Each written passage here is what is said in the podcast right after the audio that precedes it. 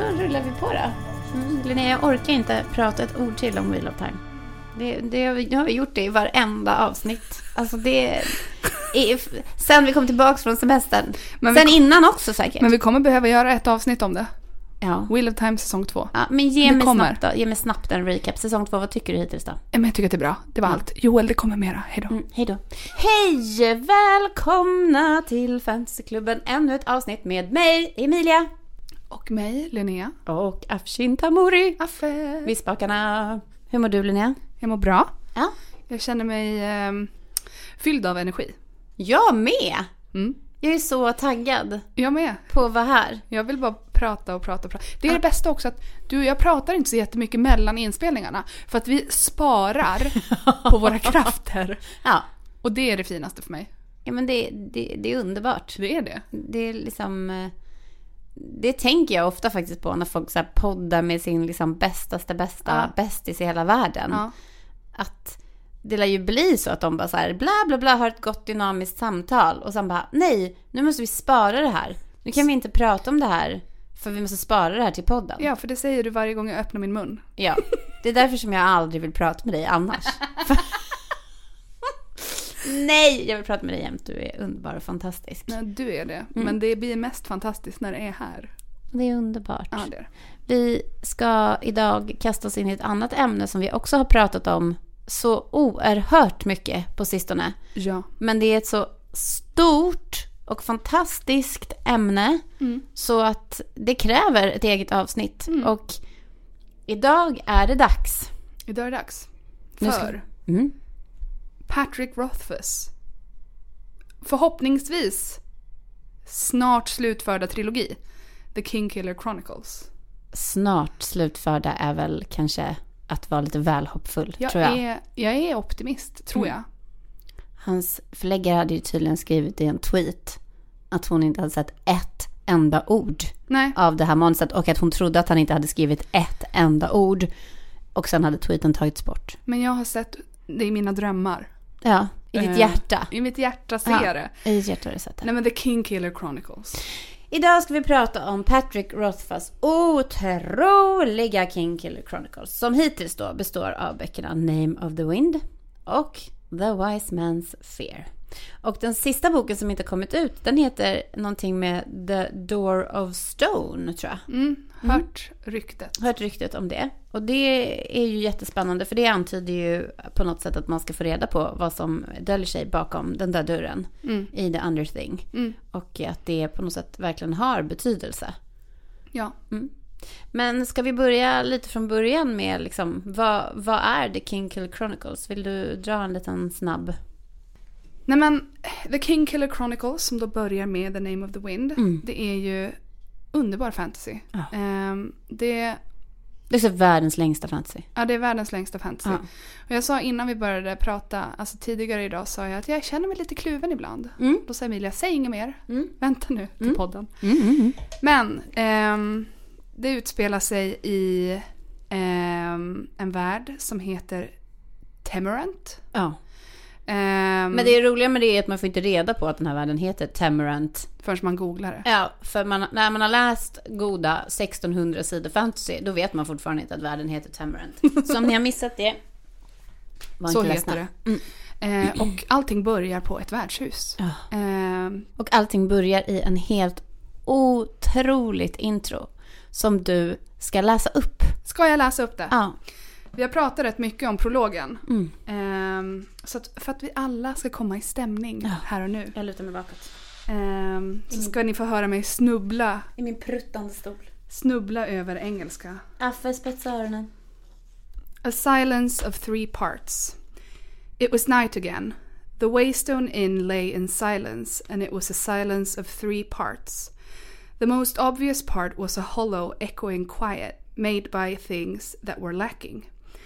If there had been a wind, it would have sighed through the trees, set the inn sign creaking on its hooks, and brushed the silence down the road like trailing autumn leaves. If there had been a crowd, even a handful of men inside the inn, they would have filled the silence with conversation and laughter, the clatter and clamor one expects from a drinking house during the dark hours of night. If there had been music, but no, of course there was no music. In fact, there were none of these things, and so the silence remained.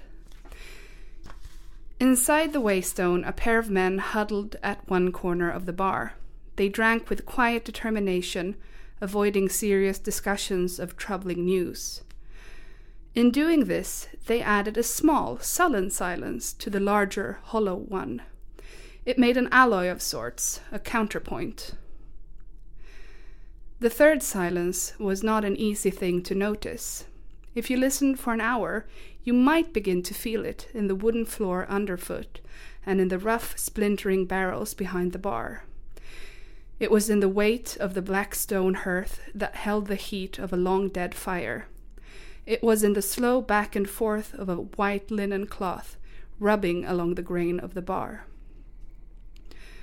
And it was in the hands of the man who stood there, polishing a stretch of mahogany that already gleamed in the lamplight.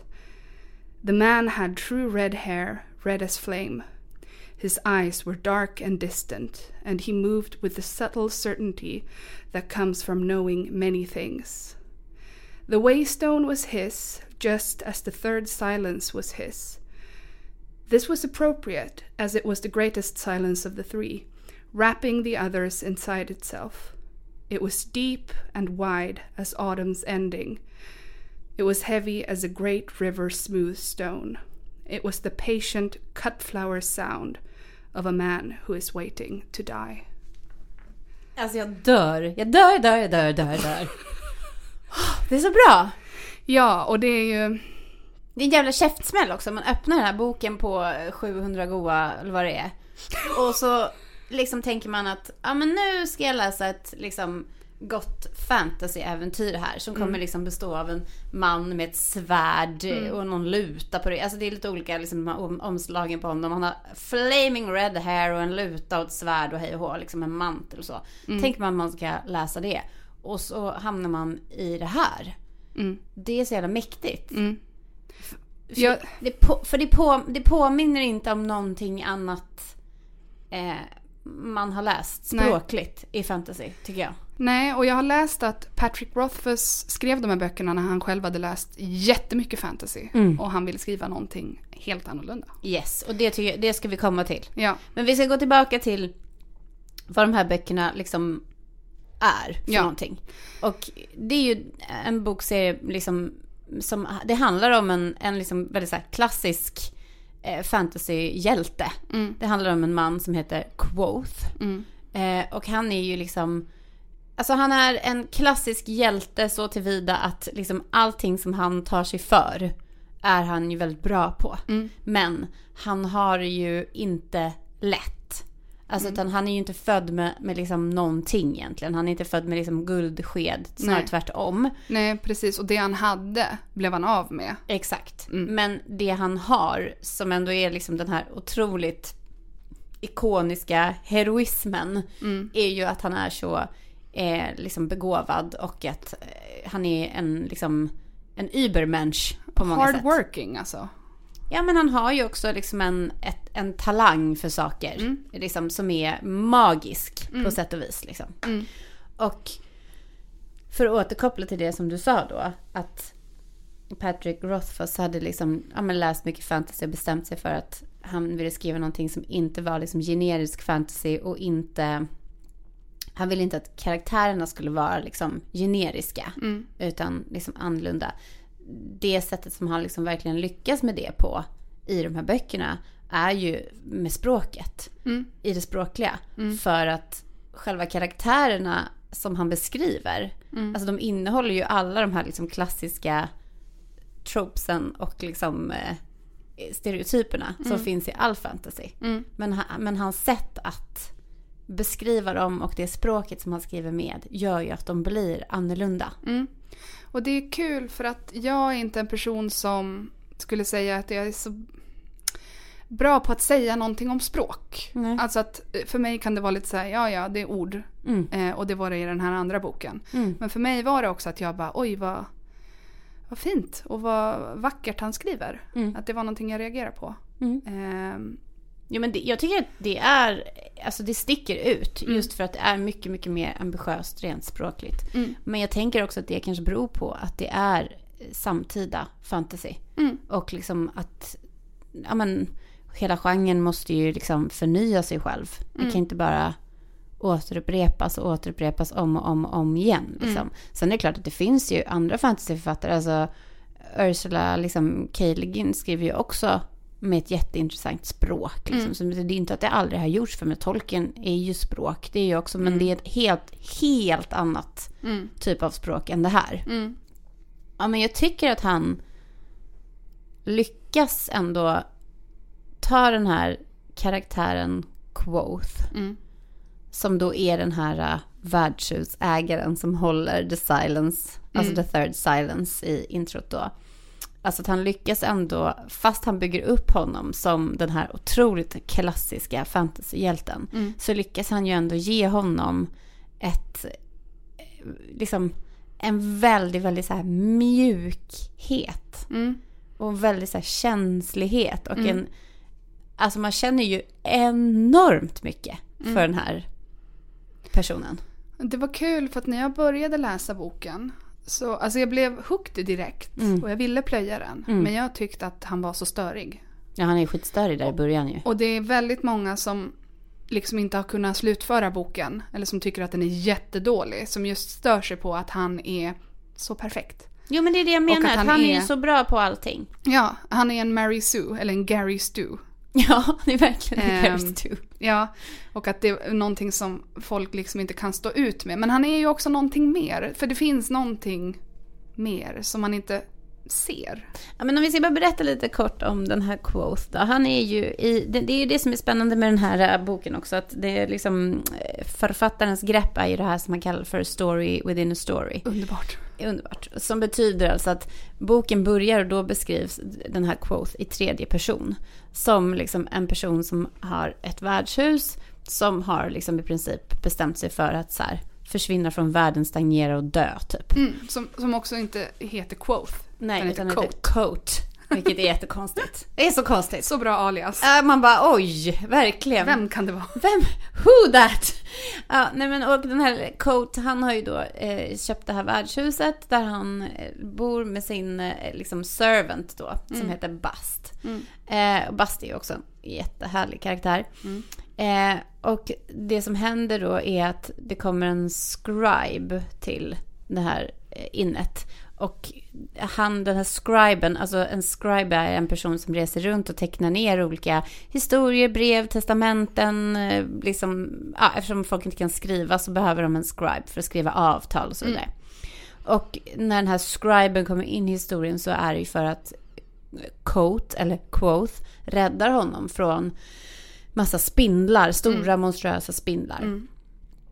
Eh, så den här scriben, som också så passande heter Chronicler, Mm. Chronicer, The Chroni- Chronicler. The Chronicler, han eh, ja, blir liksom räddad av en man med liksom flaming red hair som viftar med någon fackla där och sen får han följa med till värdshuset och då förstår han att den här personen som har räddat honom, den som han har framför sig, är liksom Quoth, the För- king killer. Ja, för han är ju legendarisk. Ja. Alla berättar Det är historier. det man förstår då. Alla berättar historier om Quoth. Ja, och då så liksom...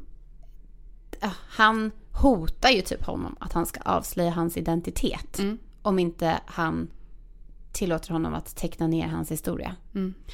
Och då säger ju till slut eh, Quoth då att han går med på det. Och att han ska göra det under tre dagar. Mm. Och varje liksom bok är ju då en dag. Mm. Eh, och sen så börjar ju liksom historien egentligen där. När han börjar berätta. Mm. Från att han är ett litet barn. Mm. Ehm, och han är ju lite störig. Alltså det är Mm. ju verkligen på liksom, eh, alltså fler än en gång som man tänker bara, alltså Ja. för att han är så präktig och duktig och Ja. liksom. Men det börjar ju då med hans barndom, när han växer upp, eh, att han är liksom en traveling, eh, liksom han kommer från traveling people som heter Idemaru. Mm. Som är så väldigt liksom eh, framgångsrikt och eh, otroligt liksom begåvat eh, resande folk som framför historier, berättelser, teater, cirkus, artisteri, Mm. eh, sjunger. Men det är liksom, det man ska veta med det här, det är, liksom, det är ingen simpel underhållning. Det är, liksom, de är troopers och de är verkligen Next level. next level troopers. Mm. Och att han blir då uppfostrad av sin mamma och pappa i liksom att recitera dikter, att lära sig historier, att liksom spela luta, dansa, alltså, alltså stå på huvudet, what not liksom. Underhålla helt enkelt. Mm. Ehm, och det här framställs ju liksom i boken som en så här otroligt lycklig och Kärleksfull ja, miljö. uppväxt liksom. Och hans föräldrar är så kärleksfulla mot varandra och så förälskade i varandra. Och hans pappa, Arliden, är ju liksom en superframstående musiker. Mm. Eh, och sen en dag så ser han då en man som använder eh, magi. Mm. Och han kallar på vinden. För att liksom skrämma bort några liksom, ja, tjuvar och banditer. Mm. Han Och- kan vindens namn. Han, han liksom säger vindens namn och då kommer vinden och liksom hjälper honom att skrämma bort de här människorna. Och då förstår han att det finns liksom någonting större. Mm. Och han blir liksom besatt av tanken på att lära sig då naming eller magi. Mm. Och då så säger hans föräldrar att de, ska, att de ska ta med den här mannen som är en så kallad arcanist Yes. på sin resa. Och den här arcanisten, han börjar då undervisa Quoth i magin. Mm. Och det är ju jäkligt spännande med de här olika magierna som finns i det här universumet. Ja. Det är liksom lite olika sorter och de, alltså det liknar ju lite andra Alltså jag tänkte liksom lite på så här Harry Potter. Alltså det blir liksom, det liknade lite ja. Men alltid, för Mm. mig är det alltid när det är en magisk skola inblandad. Ja, The University. Så blir det ehm, lite vibes av ehm, Harry Potter. Ja, Harry Potter. Men direkt. också, jag har ju läst en bok, eller jag har bara läst halva för jag orkade inget mer, som heter Babel. Ehm, Mhm. Där de, eh, deras, magisystemet där är att man använder silver och man ristar in tecken och ord på silvret. Mhm. Eh, och de har ju den här runmagin. Silger, sil, sil, Ja, verkligen säga Sigildry heter det. Sigildry. Ja. och det påminner mig om, sigil. Ja. om Babel.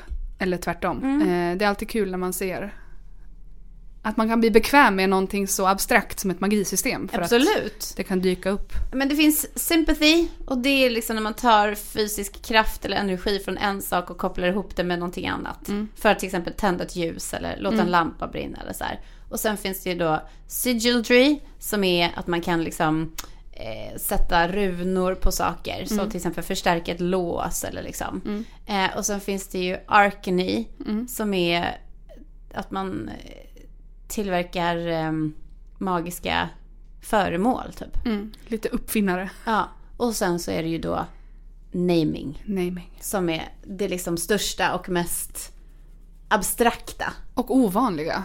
och ovanliga. Och det är väl det som i, liksom är på något sätt riktig magi. Ja. Alltså någonting som man ändå måste ha någon typ av så här anlag för. Ja. Liksom, allt det andra verkar man ju bara kunna liksom lära sig men det här med naming är ju verkligen någonting som kommer liksom Ja, en inifrån. kraft som man måste nå. Ja.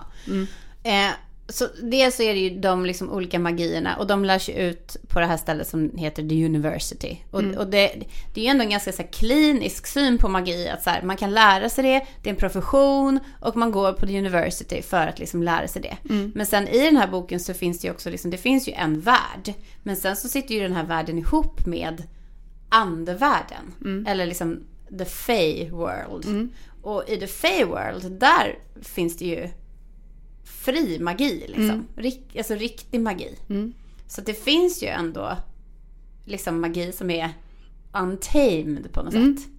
Eh, och det man fattar med den här Quoth är ju på något sätt väldigt snabbt att han har en inneboende magi. Liksom. Eller en inneboende styrka Mm. på något sätt. Eh, för det som händer sen är ju att hans pappa då börjar ju samla in Han börjar Eh. researcha. han börjar researcha för att han vill skriva en, en, En sång. en sång om en liksom gammal hjälte. Som på något sätt också, ja men som var liksom eh, väldigt eh, god och framgångsrik och sen blev liksom ond. Mm. Och han vill ta reda på liksom mer om de här onda väsen eller liksom sagofigurerna eller något sånt som kallas för The Chandrian. Mm. Eh, och medans han gör det så blir ju hela hans, hela följet, Hela det Edema Rue följet, Gänget. ja, blir ju mördade helt enkelt av The Chandrian. av The Chandrian. För att de får reda på att pappan letar. Mm. Och han får väl reda på någonting i sina efterforskningar Mm. som gör att de bara, det där, där drar vi gränsen. Stopp och belägg. Och eh, The Chandrian är också då någonting som är väldigt, folk i allmänhet tror ju inte att de finns på riktigt. Absolut inte. De är liksom mytologiska. Och det är en grupp med sju stycken Mm. personer, varelser. Mm.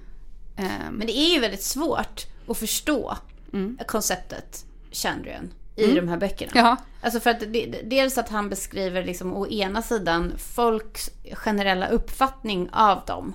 Som verkligen är som allt från liksom barnsagor till liksom jättehemska berättelser. Liksom. Men sen när han väl träffar på The Chandrian när de har mördat hans familj. Och han, han har varit ute i skogen och plockat örter och han kommer tillbaks och bara ser liksom att hela hans familj, alla hans släktingar, vänner, allting bara ligger liksom döda. Och runt lägerelden i deras läger som nu lyser liksom blå. För blå eld är liksom ett tecken för The Chandrian. Där sitter de här. Mm. Då framstår de ju på sätt och vis som människor. ja. Men sen fattar man ju att de liksom är jätteondska. Alltså bara liksom utstrålar liksom ren ondska ifrån dem. Och där kopplar i alla fall jag ihop det både med Robert Jordans, alltså svarta ryttare, alltså The Myrdral och med Tolkiens Ring svarta ja, Ja. ryttare. Liksom. Så det finns ju absolut likheter där. Ja. Men att han har ju då, Quoth, liksom en förmåga att överleva allt det här. Ja, de, de bara, nu kommer en annan fiende, nu måste vi dra. Precis innan de då bara, nu ska vi döda Quoth. Men han klarar sig. Och det, det är intressant att vi pratar just om att Patrick Rothfuss ville göra någonting helt unikt. Men han, han lutar sig väldigt mycket mot väldigt klassiska tropes. Vi har ehm, The Orphan Boy nu då, han har förlorat sin familj. Också kul att den här magikern som eh, kallar på vinden och börjar lära Ja, Benty. Ja. han, heter, han kallas för Ben. Och jag bara, det är Obi-Wan. klart att han heter Ben. Självklart, jag såg Ben framför mig. Kenobi, Ben ja. Kenobi. Det är klart att en, liksom, en föräldralös gosse har en mentor som heter Ben. Of course. Of course. Alltså det som jag tycker också liksom han... Alltså när jag läste den i våras, och det har vi pratat om förut i podden, var ju att liksom, jag sa ju till dig flera gånger sedan, det här är klassisk fantasy. Alltså klassisk heroic fantasy. Och det är det. För att det är precis som du säger, att det är inte liksom utsvävande egentligen, Nej. eller fantasifullt på något sätt. Nej. Men det är beskrivet eh, på ett nytt sätt. Och karaktärerna känns liksom annorlunda. Och det har en ton av heroic fantasy, men sen är det också väldigt, det var någon på Reddit tror jag som skrivit, nej men jag älskar det här för att det är, det är inte som heroic fantasy, det är lite mera det som händer mellan det heroiska. Hon bara, det är som vardagen mellan, för det är ju väldigt lågmält ofta också. Bara, han går i skolan. Han tuggar på. Men det som händer med Quoth är ju då att han dels lever tre år efter att hans familj har blivit mördad. Så lever han ju i skogen själv. Och, och det är ju också liksom en ganska viktig så passage. För att då, då är han ju helt galen liksom av sorg. Och, och han är ju ung då, han är ju bara ett barn. Och då sitter han där i skogen och spelar luta. Det enda han har med sig. Ja, det enda han har med sig. Han äter typ löv. Ja. Liksom stoppar liksom munnen full med gräs. Mm. Och så spelar han. Och han spelar och han spelar och han spelar och han spelar. Han bara sitter och bara spelar dygnet runt. Liksom, han blir han blir helt galen av sorg och liksom han sover inte och han bara spelar. Och sen så är det liksom i någon passage där ett stycke som handlar om att sen börjar hans lutsträngar gå av. Mm. Så att först så gick en lutsträng av. Och då, alltså om det är fem strängar från början då. Så gick en lutsträng av och då bara spelade han vidare med Mm. fyra liksom. Men sen gick en lutsträng till av. Mm. Och då förstod han att han skulle liksom behöva uppsöka någon typ av civilisation liksom, för att kunna byta ut sina lutsträngar då. Så att, och det här att han lär sig att spela på bara fyra lutsträngar, det visar sig vara liksom väldigt viktigt. Mm. Och sen efter att han har varit i skogen, då blir han ju det här gatubarnet i Tarbin. Mm. Och det är ju också väldigt liksom klassiskt, alltså verkligen en trope liksom. Mm. Och där är det ju också att han liksom, han blir så himla bra på att överleva. Smyga och överleva. Ja, och liksom eh, tigga och liksom, ja. Mm. Han hittar liksom någon liten eh, plats som alltid är liksom varm. Och han, Mm. han, så att även fast han är miserabel så, och liksom, så, så är det ändå som att han är liksom en premium, han är ett premium gatubarn. Han är proffs. Han är proffs. Ja. Och han träffar ju också någon man som hjälper, Barn ja. ja, som han liksom är hos ofta och besöker och sådär. Mm. Men sen en dag så är han på en, en bar och så hör han en man berätta en historia. Mm. Som handlar om den här hjälten, Lanray, som hans pappa letade efter information om. Och i den här historien så berättar den här historieberättaren att Lanray begick, alltså han gick från att vara god och fantastisk och göra gott liksom till att bli så ond så att han förvandlades till ledaren för The Chandran. Mm. Så han förstår liksom att det är den här hjälten som hans pappa har velat beskriva Mm. som också är skyldig till hans föräldrar och hela hans världs död egentligen. Och då tänker han, nu är det nog med den här skiten, nu ska jag till the university Mm. och lära mig mer om det här. Nu är det dags. Ja, det blir hans drivkraft. Han Ja. vill lära sig allt om The Chandrian. Ja, och han har ju varit hela tiden i boken väldigt så här vetgirig. För sen när Bendo blir hans lärare så lär ju han honom allting. Mm. Och han bara liksom slukar det. Han blir Mm. liksom helt galen. Mm. Och där kan man ju verkligen förstå att folk blir irriterade. Att han är en liten självgod jävel. Ja. Att han liksom, ja, alltså, han är så bra på allt. Ja. Liksom. Och han är så... Och på något vis är han så oödmjuk i det också. Ja. Fast han har ingenting så är han ändå så. Åh, jag vet att jag var så bra på det här Ja. och ingen annan i min ålder kunde behärska det här och jag kunde göra ditt och jag kunde göra datt liksom. Men det är det som blir så intressant också att på det här värdshuset som vi var på i början, där sitter Quoth alltså och berättar historien om sitt liv för The Chronicler. Och det öppnar ju också upp för sättet han pratar om sig själv, att folk är så här, men han är en unreliable, sitter han och ljuger kanske? Mm, just det. Alltså att det blir också intressant att man börjar undra vad har han för motiv inför The Chronicler? Ja, och också så här, var, vad har hänt däremellan liksom? Mm. Det blir ju ändå det så här, okej men vad har hänt om vi går från den här liksom Mm. Unga mannen eller barnet som är så liksom begåvat och verkligen lever ett hårt liv Mm. liksom. Men som ändå har så mycket liksom framåtanda och lust att liksom lära Mm. och, och så mycket, em, vad ska man säga, han är så feisty Mm. liksom. Vad, vad är det som händer vad är det som knäcker honom så mycket att han drar sig undan till det här liksom värdshuset och är liksom waiting to die? För Ja. han, men han kunde ju ha lagt sig och dö varenda meter på vägen typ. Ja, och det är Egentligen. väl det som gör eh, det blir så spännande att se hur han berättar om sig själv när han var liten. Att bara, eller yngre. Alltså jag var bäst på allt i hela världen. Men nu är du här och är sämst. Men det är också en tredje del av det här som är ganska spännande. Det är ju liksom de här återkommande liksom historierna om honom som det här sällskapet på värdshuset berättar. Mm. För det är också en återkommande liksom scen i det här värds... Alltså att det kommer in ett gäng män från den här byn. Mm. Som kommer in och liksom sitter och pratar och dricker öl och så diskuterar. Och de pratar ju mycket om, alltså Quoth, Mm. eh, liksom the king killer. Mm. Eh, quote, alltså, vad, vad kallar de Quoth the great? Alltså de har så många så olika Mm. liksom eh, eh, namn för honom. Och så jämför de ju honom med Lanray och den här andra hjälten som heter Taborlin the Great. Mm. Och så pratar de om att liksom, han hade ju en, vad var det, coat of many colors typ. Och, men, och nej, det var inte han som hade det, utan det var ju eh, Quoth som hade, nej, han hade ju en osynlighetsmantel och liksom att man får, blir också liksom uppfylld av de här historierna. Alltså man får ju också, förstår ju också att han finns som en hjälte i människors liksom eh, Ja. medvetande. Alltså, och det är verkligen, apropå att du sa att han har många namn. Mm. Quoth Kingkiller, Quoth the Arcane, Quoth the Bloodless, Ja, Bloodless ja. Lightfinger, Ja. Six String. ja. OSV, OSV, OSV. OSV. Så att han är väldigt, alltså s- s- eh, mycket myter. Ja, och den här mytologin uppstår ju också under tiden. Alltså Ja. att han, han, han, börjar, han får ju börja höra historier om sig själv. Men och han skapar ju också de historierna. Mm. Ja. Och det är också det, där man kan fatta att folk tycker att han är självgod. För att han hela tiden så clever. Så i varje Ja. liksom, situation så ska han liksom, öv, han ska liksom överbevisa eller övervinna den här situationen på något sätt. Mm. Liksom. Eh, men han kommer ju i alla fall till the university Mm. till slut. Efter att han liksom har, eh, med sina små, små medel som han har. Då han har så en bok som han har fått av Ben. Mm. Och sin lut och vad det är. Liksom, så kan han panta det. Och med Mm. de pengarna kan han köpa liksom kläder. Och han får ett par skor av någon man och sådär. Mm. Liksom. Och då så hoppar han på en karavan som ska tas till university. Och på den här karavanen så träffar han ju då en kvinna.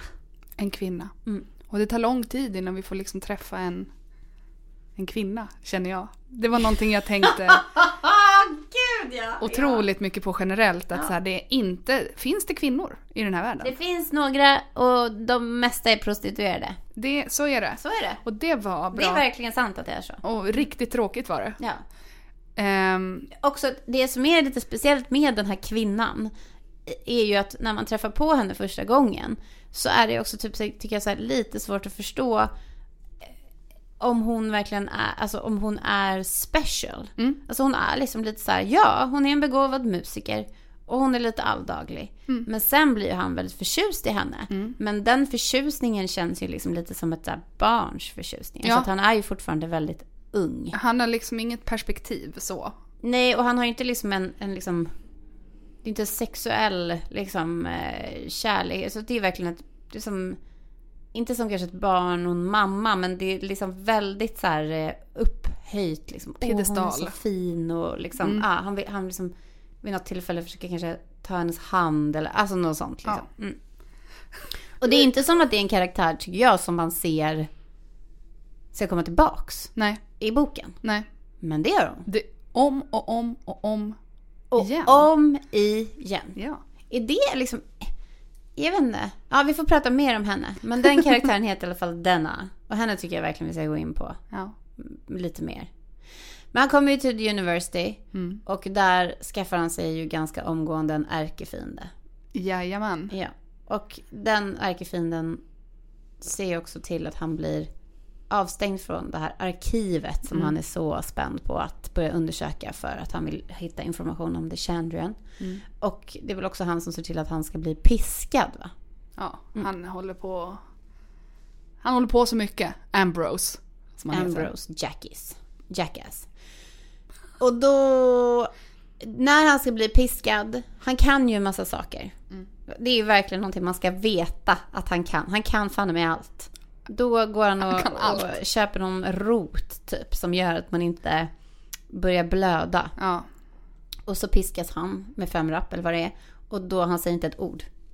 Han håller truten när han blir piskad. Vilket Ja. spär på myterna om honom. Och han blöder ju inte då för att han har tagit den här roten som gör att liksom blodkärlen drar ihop sig. Han är så dramatisk. Nej men alltså dramatisk och det är ju då han får det här namnet The Bloodless. Ja. Eh, Men men det är det som är grejen med honom liksom att han är så... Alltså för väldigt mycket tid på det här universitetet består ju av att han har inga pengar. Nej. Han har typ ingenstans att bo. Han har bara ångest hela tiden Mm. för att han har, hur ska han kunna betala sin tuition? Mm. Och där tycker jag återigen att det är lite så här, eh, alltså parallell till Harry Potter. Mm. Att det känns som att det är så här, alla vet att det här är hjälten. Alla Mm. vet att han är bra och liksom god. Men det är också som att alla vuxna i den här boken är liksom helt från vettet. Ja, det är de. Och det är de ju i Harry Potter också. Där är liksom alla vuxna helt oberäkneliga och liksom ingen bara tar sitt förnuft till fånga och bara så här, okej den här pojken har inga pengar men han är en jättebra student. Vi sponsrar det här och det blir bra. Men Liksom. Harry Potter är jätterik. Jo men han är ju jätterik men han är ju också jätteensam. Det är han. Och han har liksom massa ångest och alla vuxna är ju också från vettet. Det stämmer. Ja. Så det finns ändå någon så här liksom, den här underdog-grejen. att- Orphan-viben. Ja, och att folk verkligen så här med ren illvilja, att liksom vuxna människor är inte snälla och goda och hjälper till. Nej, och de... till en sån liksom, det finns ingen gräns. Nej. Jag tänker på Severus Snape. Alltså, Ja, eller den här professorn som, då, som han får honom piskad Det är med så fem sjukt. goda rapp. Det är så sjukt. Ett barn liksom. Det är så sjukt. Så att det handlar ju väldigt mycket om hans ångest för hur han ska kunna hålla sig kvar vid universitetet och vad han ska kunna liksom eh, göra för att börja tjäna pengar och, och liksom...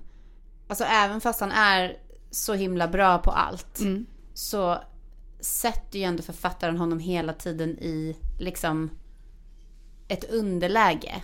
Ja, det går åt pipsvängen hela tiden. Ja, fast man vet ju att det också kommer gå bra för att han man. är så smart och bra hela Ja. tiden. Nej men det... Ja. Ja, och hur är det här då en annorlunda fantasybok? Ja, det, det, det är liksom lite i känslan kanske, vem han är. Att Ja. han också är liksom lite så snäll och mjuk och tragisk typ. Ja, men det är också det här att ibland så vet man bara inte varför det känns annorlunda. Och många, jag har roat mig med att läsa reviews Ja, eh, och såg att att över 900 000 har gett boken liksom ett stjärnbetyg. På Ursäkta? Goodreads. Ja. Det är så mycket. 900 000! Ja. ehm, och Men hur många exemplar har den här boken sålt i? Nej, så 916 886 ratings och då har den liksom ett medelvärde, man kan få fem stjärnor och den har 4,52 i genomsnitt. Så det är jättemånga som tycker att den är bra. Men det är roligast att läsa de som ger en stjärna. Som Ja. är så här, jag förstår inte vad ni säger, det här är så dåligt. Och det får man ju tycka. Men Ja, ja, det är klart man får tycka det. Det är kul. Men wow! Ja, den är ratad så att säga. Ja, men det- det är ju ett, alltså, ett otroligt imponerande alltså, verk. Mm. Eh, liksom döm om min förvåning när jag också upptäckte att Patrick Rothfuss är nio år äldre än mig. Mm. Alltså jag kan inte ens räkna ut med röven hur gammal han var när den här boken även kom ut. Vilket år är han född? Ja, han är född 71. Nej, 73! Han är född 73. Kolla, jag kan inte ens säga när han... Han är född 1973. Han var 34 år. Ja, Jag har ett år på mig om jag ska matcha honom skriv. åldersmässigt. Bara skriv. 700 sidor. Nej, men det är ju sån jävla liksom bokjävel verkligen. Ja det är det. Och Ja. han är verkligen, man märker att han älskar språk. Och att han älskar att tänka på språk. Ja. Och att han älskar att verkligen lägga tyngd vid språket. Ja. För att när jag... eh, Saker som man inte ens märker att vid något tillfälle så pratar de om att så här, de sju orden man kan säga till en kvinna för att få henne att älska en. Ja. Och så sen så längre fram när han pratar med den här Denna Mm. Så framgår det plötsligt att ofta när han pratar med henne då säger han meningar På som innehåller ord. sju ord. Ja. Och man bara, ja det hade han tänkt på. Nej men sen är det ju också, det som jag tycker är väldigt fascinerande är ju att han väver in hela tiden också alla de här eh, historierna. Både om Lanray och Taberlin the Great. Men också alla de här liksom sångerna som återkommer hela tiden. För att han, Quoth är ju en musiker. Och egentligen tar väl liksom berättelsen riktig fart när han en dag bestämmer sig för att han måste hitta ett sätt att försörja sig. Så han går, tar ett lån hos en liksom loan shark. Eh, som är en väldigt otypisk loan shark men som är då en ung kvinna som heter Devi. Och då köper han en luta och sen så går han till liksom stans så här finaste värdshus som är liksom känt för att bara de bästa musikerna får spela där. Och då kan man liksom få spela, man kan få spela upp där och om man liksom förtjänar sin, sina pipes då får man liksom en liten brosch med så här pipes och det, då kan man få liksom en, eh, alltså en mecenat och man kan spela på massa andra värdshus som man liksom blir. Och så då så går han ju liksom över den här bron och det är ju också så himla så här symboliskt att så här, universitetet ligger på ena sidan och sen så liksom ligger det här stan och det här liksom ja, men, där han ska spela så ligger på andra sidan liksom och han går ju där fram och tillbaka över den där bron hela tiden. Och så ska han spela upp där. Och då den kvällen när han ska spela upp så sitter ju då också hans ärkefiende i publiken. Och så, så börjar han ju spela och då bestämmer han sig för att han ska liksom välja något superambitiöst. Liksom. Och så eh, börjar han spela den och då går det går jättebra. Tills hans sträng på lutan, puff, går av Dramat. dramat. Och då är det också någonting att han känner liksom att det inte var naturligt Mm. att strängen gick av. Och så då så tittar han ut och ser han den här Ambrose som Mm. sitter där i publiken och förstår att han har ju liksom gjort någon sympathy på Mm. hans sträng så att den har gått av. Men då är han ju så otrolig den här quote så han kan ju bara spela vidare på sina fyra strängar. Han har ju suttit i skogen och övat. Ja, så han spelar vidare. Ding, ding, ding, ding, ding. Six strings eller vad det är. Ja, men det måste ju vara det. Att Lutan har sju strängar och sen spelar han på sex. Ja. Mm. Men sen är det då så att då, den sången han har valt, det är egentligen en duett. Ja. Så då så liksom utmanar han ödet genom att förvänta sig att någon i publiken ska liksom börja sjunga andra stämman. Och det ska vara en kvinna Ja. såklart. Och hur ska detta gå till? Och sen så börjar han ju sjunga och sen helt plötsligt är det någon i publiken som svarar och så sjunger han och så svarar publiken, hon då. Och har en underskön stämma. Hon, det, hon är så ljuvlig. Ja. Och då tyckte jag ändå, jag såg inte framför mig att den personen skulle vara denna. Denna från... Karavanen. Ja. Ja, Men det var hon. men det var hon. Och då förtjänar han ju sina pipes såklart. Och, och då tänker man, ja men nu börjar saker, Tjejen är här, pipesen är här. ja, Ja, mysigt. härligt. Ja, men det går ju åt helvete. Men han blir ju såklart jättekär och förälskad i den här denna. Ja. Och hon är ju...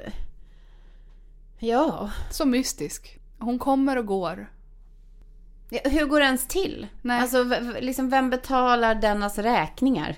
Kan du berätta det för mig? Ja men det är ju alla män hon träffar. Ja. Han möter henne ofta och sen så försvinner hon mitt i natten bara. Mm. Och varje gång han möter henne så är hon med en ny man. Ja.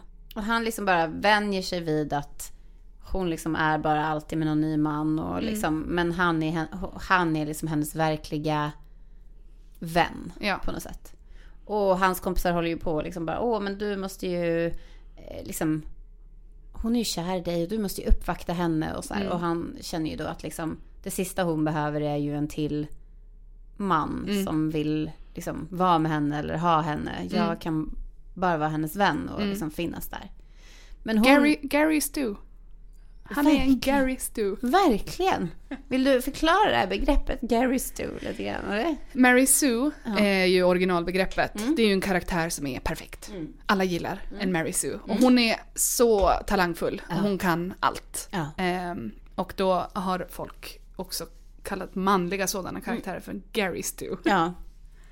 Ja men han är ju det. Och han är ju lite, lite tråkig. Ja, det är han. Ja. Men jag tänker också bara i tredje boken, det kommer komma någon sjuk twist. Jo men jag tycker Antingen- ändå att det kommer lite sjuka twister. Eller inte så sjuka för hans karaktär ändras ju inte så mycket. Nej. Men man fattar ju att det här kommer gå åt pipan. Ja men det är antingen så kommer det hända något sjukt och man inser att nej, men han är verkligen inte en Gary Stu. Jag vet inte på vilket sätt det skulle vara. Eller så bara är han det. Jag tror att han är det. Fast sen så liksom Mm. Blir han tvingad in i någon situation. Men alltså det mest Gary Stewiga momentet är ju när han förstår att hon är prostituerad. Ja. Genom att han liksom överhör en konversation. Han, han, för, han stalkar henne, han förföljer henne. Mm. In på en restaurang när hon sitter och pratar med en annan kvinna. Mm. Och då hör han att hon ger liksom råd till en annan kvinna och säger liksom att det är det här livet som vi lever och man måste göra på det här viset och det är bla bla bla. Och då liksom förstår han att hon är a prostitute, Mm. a whore. Det har han liksom inte förstått innan. Nej. Och det är ju så präktigt och tråkigt så att man liksom bara... Alltså, Ja. ja. Och liksom att deras kärlek är så platonisk liksom. Mm. Det är verkligen ända in i det sista när de har det här mötet på, i den här bäcken. När de liksom ligger i någon jävla bäck och ramlar omkring. Och det, det ska minsann inte... Det ska inte ske något. Minsann inte. Minsann ej. Nej. Men sen får han ju knö lite grann. Och det är ju lite grann. I, fan med flera hundra år känns det som. I andra boken. Ja. Och alltså, när jag läste den här delen, det är ju då att han går över till den här liksom supermagiska världen. The Fae. Till The Fae och träffar Felurian. Ja. Och Felurian är ju liksom som typ ett skogsrå eller någon sån supermagiskt väsen liksom. Hon- Queen of the Forest. Ja, och hon är ju som bara embodies liksom den här totala liksom kvinnligheten och allting. Hon är så vacker och hon förför män. Det är det hon gör. Det är hennes grej. Ja. Ja. Hon tar med Eh, män in i skogen och liksom Ja, förför dem. Mm. och hon förför såklart honom. Men när han var i den här delen av historien så satt jag och bläddrade fram hela tiden och bara är det slut snart? Nej men den var så lång. Nej men det var så långt. Så att ibland känner jag med Patrick Rothfuss att du måste kill your darlings ibland. Och där hade man verkligen kunnat kill lite darlings. Ja. Nej men det som händer är ju att vid något tillfälle så eh, kallar han ju på vindens namn. Mm. Och då... Ja, det är ju med Ambrose. Ja. Han, han blir väl arg. Ja, Ambrose tar väl hans luta. Ja, Och han, då- Mm. han blir så förbannad så att han, och det är ofta så det är, så är det ju Harry Potter också att om man blir arg då kommer magin ut. Mm. Ja. Men då kallar han på vindens namn och Ambrose bryter armen. Känns inte det också lite jedi master? Alltså när ilskan kommer då bara... Puff. Då är man Darth Vader. Ja, exakt. Nej men ja, och Ambrose ser ju då till att han blir liksom dragen inför rätta typ, inför Ja. lärarna. Ja. The Masters. ja. Ehm, och då sätter de, han får vara kvar på skolan, men de sätter en så hög terminsavgift. Och alla hans kompisar och lärare är så här, nej ta en, ta ett, ta, ta liksom en paus ett Ja. tag, kom tillbaka. Och då får han ju ett uppdrag. Att han ska åka iväg och vara någon sorts manservant till någon sån här mäktig furste typ. Mm. Och det kändes så himla, man bara va?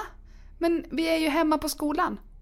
Jag tycker det är så trevligt Och här. det var så mysigt på skolan. Ja. Det var liksom så mysiga miljöer och det var så mysigt när han gick till det där värdshuset och spelade och det var så mysigt när han höll på där med denna och liksom man undrade ju bara så här, nu ska det nu kommer det ju hända, snart kommer det ju hända något här. Och han träffar ju den här, han har ju en karaktär som han döper till Auri som är hans vän som han träffar liksom på ett tak.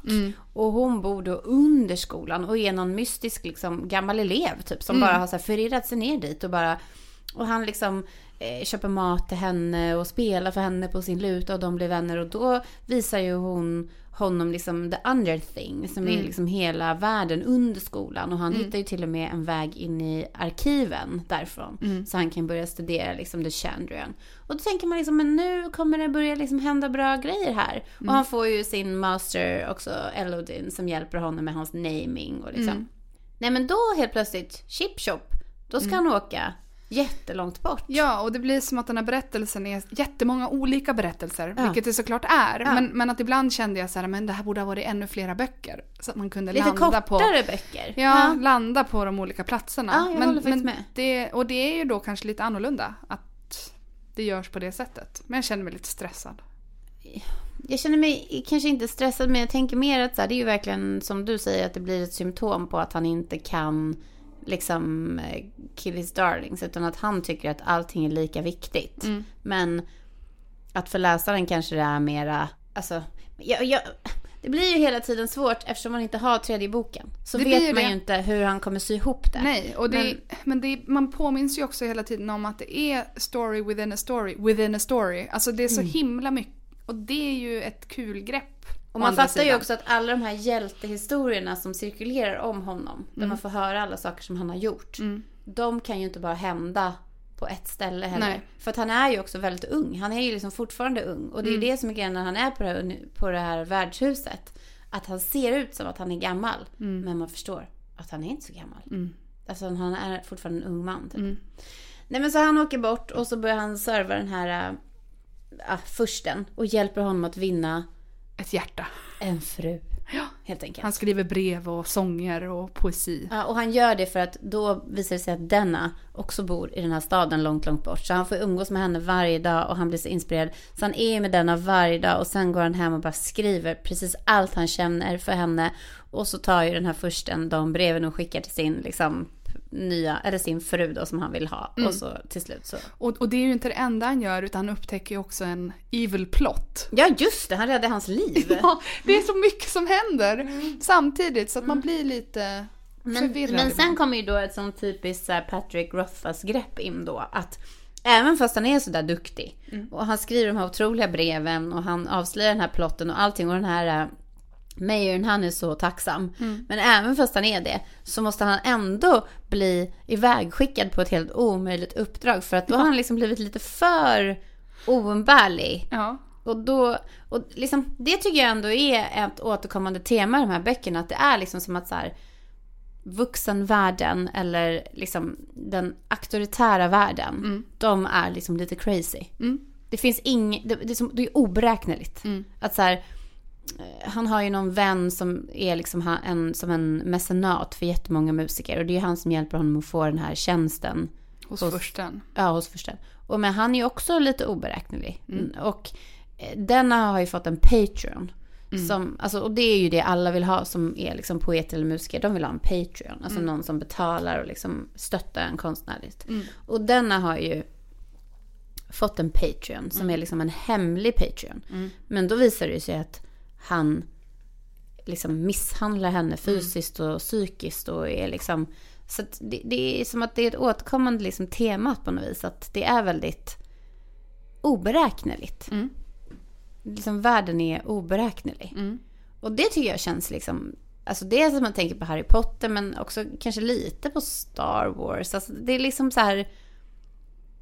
Alltså världen är i första hand ond och besvärlig. Mm. Liksom människor kommer fatta dåliga och destruktiva beslut. Mm. I första hand liksom. Mm. Och det, det är liksom lite sorgligt Det är det. på något vis. Det är det. Nej men det är, det är sorgligt och det är hemskt. Ehm, men jag fastnade så himla mycket nu i att det... Han åker ut på alla sina äventyr men man vill... Man vill ju egentligen bara veta vad The Chandrian är. Alltså det, Ja! det känns som att så här, det är en heroic story och Chandrian, Chandrian är the evil och dit ska vi. Men vi ska fan ta... Nej, vi är riktigt långt ifrån The Chandrian. Ja. Alltså där vi är nu i berättelsen i bok två. Ja. När han liksom eh, ska åka ut på det här konstiga legosoldatuppdraget och han blir, börjar bråka med denna och förlorar kontakten med henne. Alltså då är vi ju så långt ifrån The Chandrian. Eh, Alltså då är vi ju på en hel... Och det är så lång historia då. Att han åker ut på det här legoknäckt-uppdraget. Han ska liksom eh, avslöja några rånare. Alltså han ska liksom ta till fånga massa rånare som håller på och ta massa skatter i ett område. Och liksom då fattar man att när han lyckas eh, liksom avväpna dem Mm. så är deras ledare en person han känner igen. Mm. Och det visar sig då vara en av The Chandrian. Mm. Eh, och det är ju också då som han på något sätt tar ett beslut att han ska följa med Florian in i The Fae. Mm. För att han tänker att hon kommer kunna lära mig någonting. Mm. Och mycket riktigt, i The Fae så lär han sig både How to Love a Woman på både det ena och det andra sättet. Ja. Det är mycket, vad var det, liksom nine palms och eh, olika tekniker och liksom Nej, så. men alltså, jag blev också bara så här, det är klart att den perfekte fulländade Quoth förlorar oskulden till en övernaturlig Queen of the Woods. Så, och det var också övernaturligt bra. Alltså han var också Ja, en liksom, övernaturligt läraktig student som bara... Han var så bra! Han var så bra i sängen. På hans första knö var liksom a wonderful experience för den här kvinnan som bara har knö med alla män i hela jävla liksom den här världen. Hon bara blev typ knäsvag av den Nej, men- här och det- 15-åringen. Och det är då jag känner att nej, men han ljuger ju. Alltså det här är lögn. Han hittar på. Det kommer komma någonting tredje boken. Som bara... Gud, jag har inte ens, jag har inte ens tänkt den tanken. Ja, men för jag läste någon som sa jag är 100% övertygad om att han ljuger så att det bara sprutar om det. Är det sant? Mm. Nej, men för, att det blir, alltså, för just där var jag såhär, nej men nu får det fan räcka. Men jag tycker på något sätt att det gick så mycket i linje med resten av hans liksom, eh, fantastiska framgång. Att det är klart att han också är liksom en darling angel in bed som bara liksom eager to please. Och jag kände Ja. bara, någonting måste han vara jävligt dålig på. Ja, han är ju väldigt dålig på att hålla fast vid sina relationer. Alltså han är ju... Han, stämmer. Och han är ju väldigt dålig på att säga vad han känner. Ja. Det är ju han ju jättedålig på. Han är Mm. ju också väldigt dålig på att berätta sanningen. Alltså för att han Mm. berättar ju inte för någon om vem han är. Nej. Att hans, hela hans familj har blivit dödad av Eddie Maru. Mm. Eller att hela, Eddie Maru, hela hans Eddie Maru-familj har blivit dödad av The Chandrian. Mm. Han berättar ju inte för sina vänner vad han har för ursprung. Alltså han hemlighåller ju hela sin identitet och sin bakgrund och allting för att han dels känner så mycket skam. Mm. Men dels för att han också vet att Eddie Maru har så dåligt rykte. Mm. Och att han är rädd kanske för The Chandrian. Mm. Ja, det är väl framför allt kanske det. ja. Att han är jätterädd. Ja. Så att han är ju...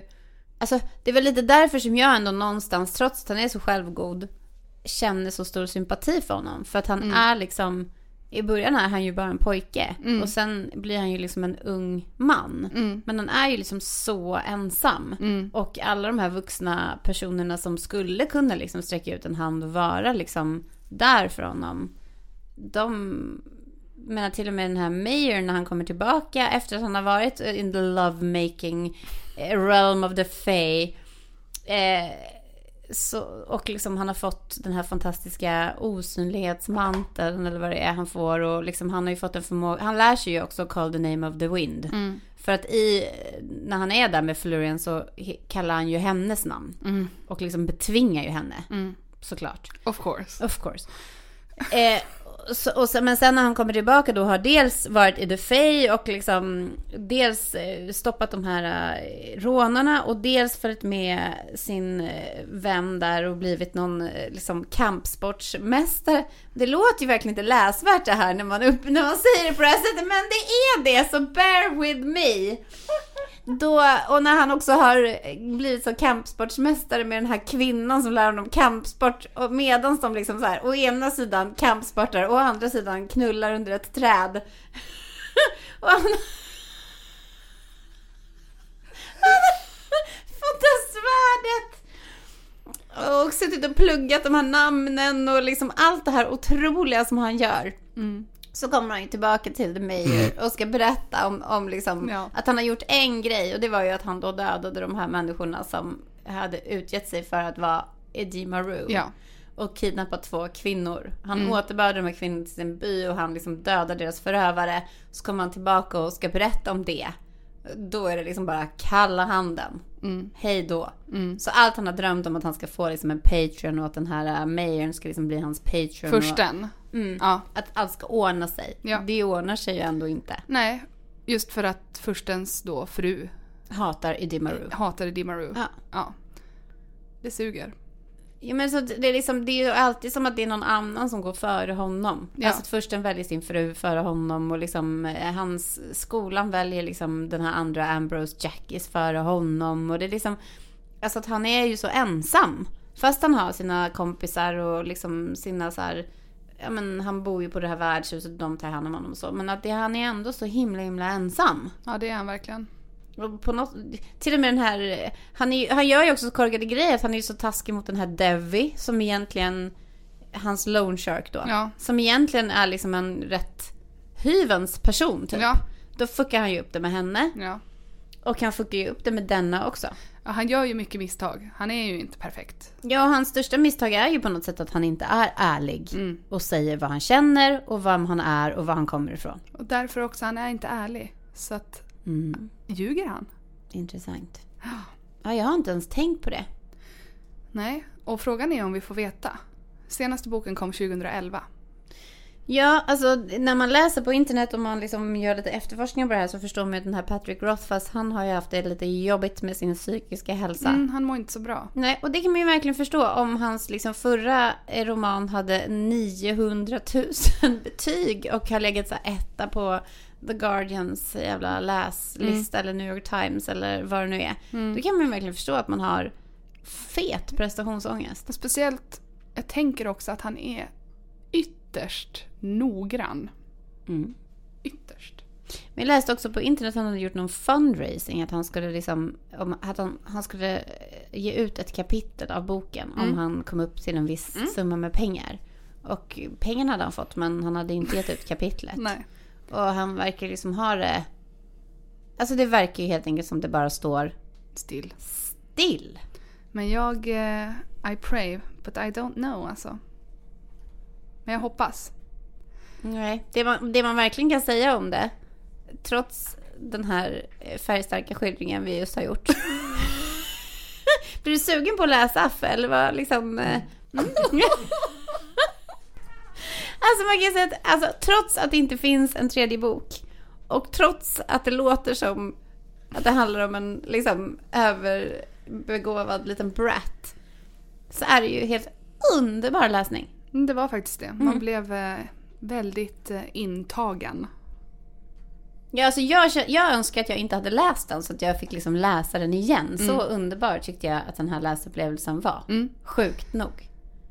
Det är så kul att det blev så. Ja. Jag minns att jag var så här, läs de här och du bara ja, kanske.